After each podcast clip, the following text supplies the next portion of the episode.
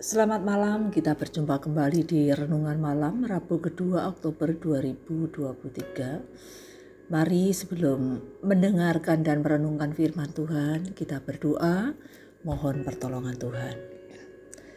Bapa yang di surga, kami memerlukan pertolongan Tuhan agar di dalamnya kami dapat mendengarkan dan merenungkan firman-Mu dengan benar dimampukan untuk mengerti, dimampukan untuk melakukan yang Tuhan kehendaki. Mampukan kami menyadari bahwa kami adalah orang-orang percaya yang telah Tuhan panggil dan Tuhan utus untuk menjadi pelaku-pelaku kebenaran, memberitakan yang Tuhan mau untuk Tuhan beritakan melalui kami. Terima kasih ya Tuhan, berbicaralah kami siap untuk mendengar firman-Mu. Amin. Mari kita akan mendengarkan firman Tuhan dari Injil Matius pasal yang ke-10. Yesus memanggil kedua belas muridnya dan memberi kuasa kepada mereka untuk mengusir roh-roh jahat dan untuk melenyapkan segala penyakit dan segala kelemahan. Inilah nama kedua belas rasul itu. Pertama, Simon yang disebut Petrus dan Andreas saudaranya, dan Yakobus anak Zebedeus dan Yohanes saudaranya, Filipus dan Bartolomeus, Thomas dan Matius pemungut cukai, Yakobus anak Alfeus, dan Tadeus, Simon orang Zelot, dan Yudas Iskariot yang mengkhianati dia. Kedua belas murid itu diutus oleh Yesus dan ia berpesan kepada mereka. Janganlah kamu menyimpang ke jalan bangsa lain atau masuk ke dalam kota orang Samaria. Melainkan pergilah kepada domba-domba yang hilang dari umat Israel. Pergilah dan beritakanlah, kerajaan sorga sudah dekat. Sembuhkanlah orang sakit, bangkitkanlah orang mati, tahirkanlah orang kusta, usirlah setan-setan, kamu telah memperolehnya dengan cuma-cuma. Karena itu berikanlah pula dengan cuma-cuma. Ya, guru. Janganlah kamu membawa emas atau perak atau tembaga dalam ikat pinggang. Janganlah kamu membawa bekal dalam perjalanan. Janganlah kamu membawa baju dua helai, kasut atau tongkat, sebab seorang pekerja patut mendapat upahnya. Apabila kamu masuk kota atau desa, carilah di situ seorang yang layak, dan tinggallah padanya sampai kamu berangkat. Apabila kamu masuk rumah orang, berilah salam kepada mereka. Jika mereka layak menerimanya, salammu itu turun ke atasnya. Jika tidak, salammu itu kembali kepadamu. Dan apabila seorang tidak menerima kamu dan tidak mendengar perkataanmu, keluarlah dan tinggalkanlah rumah atau kota itu, dan kebaskanlah debunya dari kakimu. Aku berkata kepadamu, Sesungguhnya pada hari penghakiman tanah Sodom dan Gomora akan lebih ringan tanggungannya daripada kota itu. Iya. Lihat, aku mengutus kamu seperti domba ke tengah-tengah serigala. Sebab itu hendaklah kamu cerdik seperti ular dan tulus seperti merpati. Tetapi waspadalah terhadap semua orang. Karena ada yang akan menyerahkan kamu kepada majelis agama. Dan mereka akan menyesah kamu di rumah ibadatnya. Dan karena aku kamu akan digiring ke muka penguasa-penguasa dan raja-raja sebagai suatu kesaksian bagi mereka dan bagi orang-orang yang tidak mengenal Allah. Apabila mereka menyerahkan kamu, janganlah kamu khawatir akan bagaimana dan akan apa yang harus kamu katakan. Karena semuanya itu akan dikaruniakan kepadamu pada saat itu juga. Karena bukan kamu yang berkata-kata, melainkan roh Bapamu. Dia yang akan berkata-kata di Orang akan menyerahkan saudaranya untuk dibunuh. Demikian juga seorang ayah akan anaknya. Dan anak-anak akan memberontak terhadap orang tuanya dan akan membunuh mereka. Dan kamu akan dibenci semua orang oleh karena namaku. Tetapi orang yang bertahan sampai pada kesudahannya akan selamat. Apabila mereka menganiaya kamu dalam kota yang satu, larilah ke kota yang lain. Karena aku berkata kepadamu, sesungguhnya sebelum kamu selesai mengunjungi kota-kota Israel, anak manusia sudah datang. Seorang murid tidak lebih daripada gurunya, atau seorang hamba daripada tuannya. Cukuplah bagi seorang murid jika ia menjadi sama seperti gurunya, dan bagi seorang hamba jika ia menjadi sama seperti tuannya. Jika tuan rumah disebut Beelzebul, apalagi seisi rumahnya. Jadi janganlah kamu takut terhadap mereka, karena tidak ada sesuatu pun yang tertutup yang tidak akan dibuka, dan tidak ada sesuatu pun yang tersembunyi yang tidak akan diketahui. Apa yang kukatakan kepadamu dalam gelap, katakanlah itu dalam terang. Dan apa yang dibisikkan ke telingamu, beritakanlah itu dari atas atap rumah. Dan janganlah kamu takut kepada mereka yang dapat membunuh tubuh, tetapi yang tidak berkuasa membunuh jiwa. Takutlah terutama kepada dia yang berkuasa membinasakan baik jiwa maupun tubuh di dalam neraka. Bukankah burung pipit dijual dua ekor seduit? Namun seekor pun daripadanya tidak akan jatuh ke bumi di luar kehendak Bapamu. Dan kamu, rambut kepalamu pun terhitung semuanya. Sebab itu, janganlah kamu takut, karena kamu lebih berharga daripada banyak burung pipit.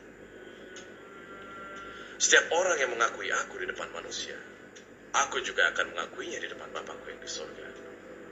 Tetapi barang siapa menyangkal aku di depan manusia, aku juga akan menyangkalnya di depan Bapakku yang di sorga. Jangan kamu menyangka bahwa aku datang untuk membawa damai di atas bumi. Aku datang bukan untuk membawa damai, melainkan pedang. Sebab aku datang untuk memisahkan orang dari ayahnya, anak perempuan dari ibunya, menantu perempuan dari ibu mertuanya, dan musuh orang ialah orang-orang seisi rumahnya. Barang siapa mengasihi bapa atau ibunya lebih daripadaku, ia tidak layak bagiku. Dan barang siapa mengasihi anaknya, laki-laki atau perempuan, lebih daripadaku, ia tidak layak bagiku. Barang siapa tidak memikul salibnya dan mengikut aku, ia tidak layak bagiku. Barang siapa mempertahankan nyawanya, ia akan kehilangan nyawanya. Dan barang siapa kehilangan nyawanya karena aku, ia akan memperolehnya. Barang siapa menyambut kamu, ia menyambut aku. Dan barang siapa menyambut aku, ia menyambut dia yang mengutus aku. Barang siapa menyambut seorang nabi sebagai nabi, ia akan menerima upah nabi. Dan barang siapa menyambut seorang benar sebagai orang benar, ia akan menerima upah orang benar. Barang siapa memberi air sejuk secangkir saja pun pada salah seorang yang kecil ini, karena ia muridku, aku berkata kepadamu, sesungguhnya ia tidak akan kehilangan upahnya daripadanya.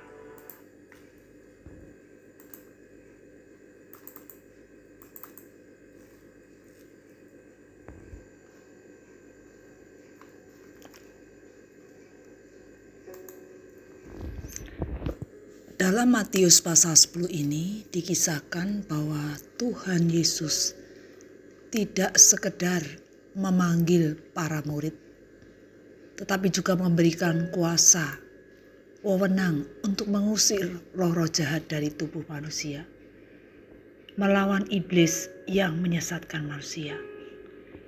Yesus juga memberikan kuasa untuk melenyapkan segala penyakit dan kelemahan Tentu semua ini ada tujuannya mengapa Yesus memberikan kuasa untuk mengusir roh jahat.